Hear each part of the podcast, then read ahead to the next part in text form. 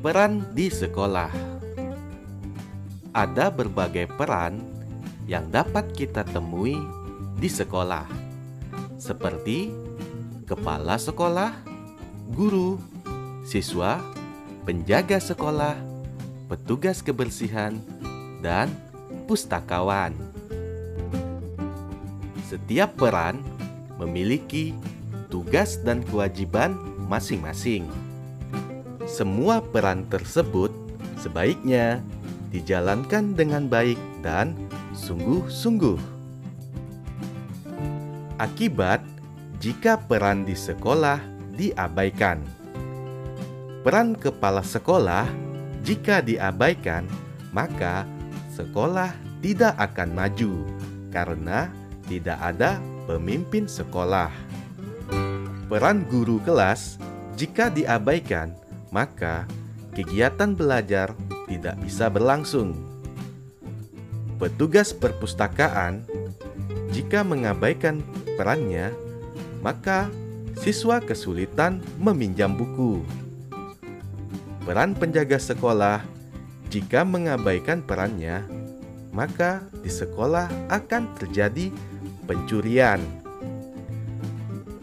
petugas kebersihan jika mengabaikan perannya, maka lingkungan sekolah menjadi kotor. Penjaga kantin jika mengabaikan perannya, maka siswa kesulitan membeli makanan. Tugas warga sekolah: setiap warga sekolah memiliki peran masing-masing Tugas siswa adalah belajar dengan baik dan menaati semua peraturan sekolah.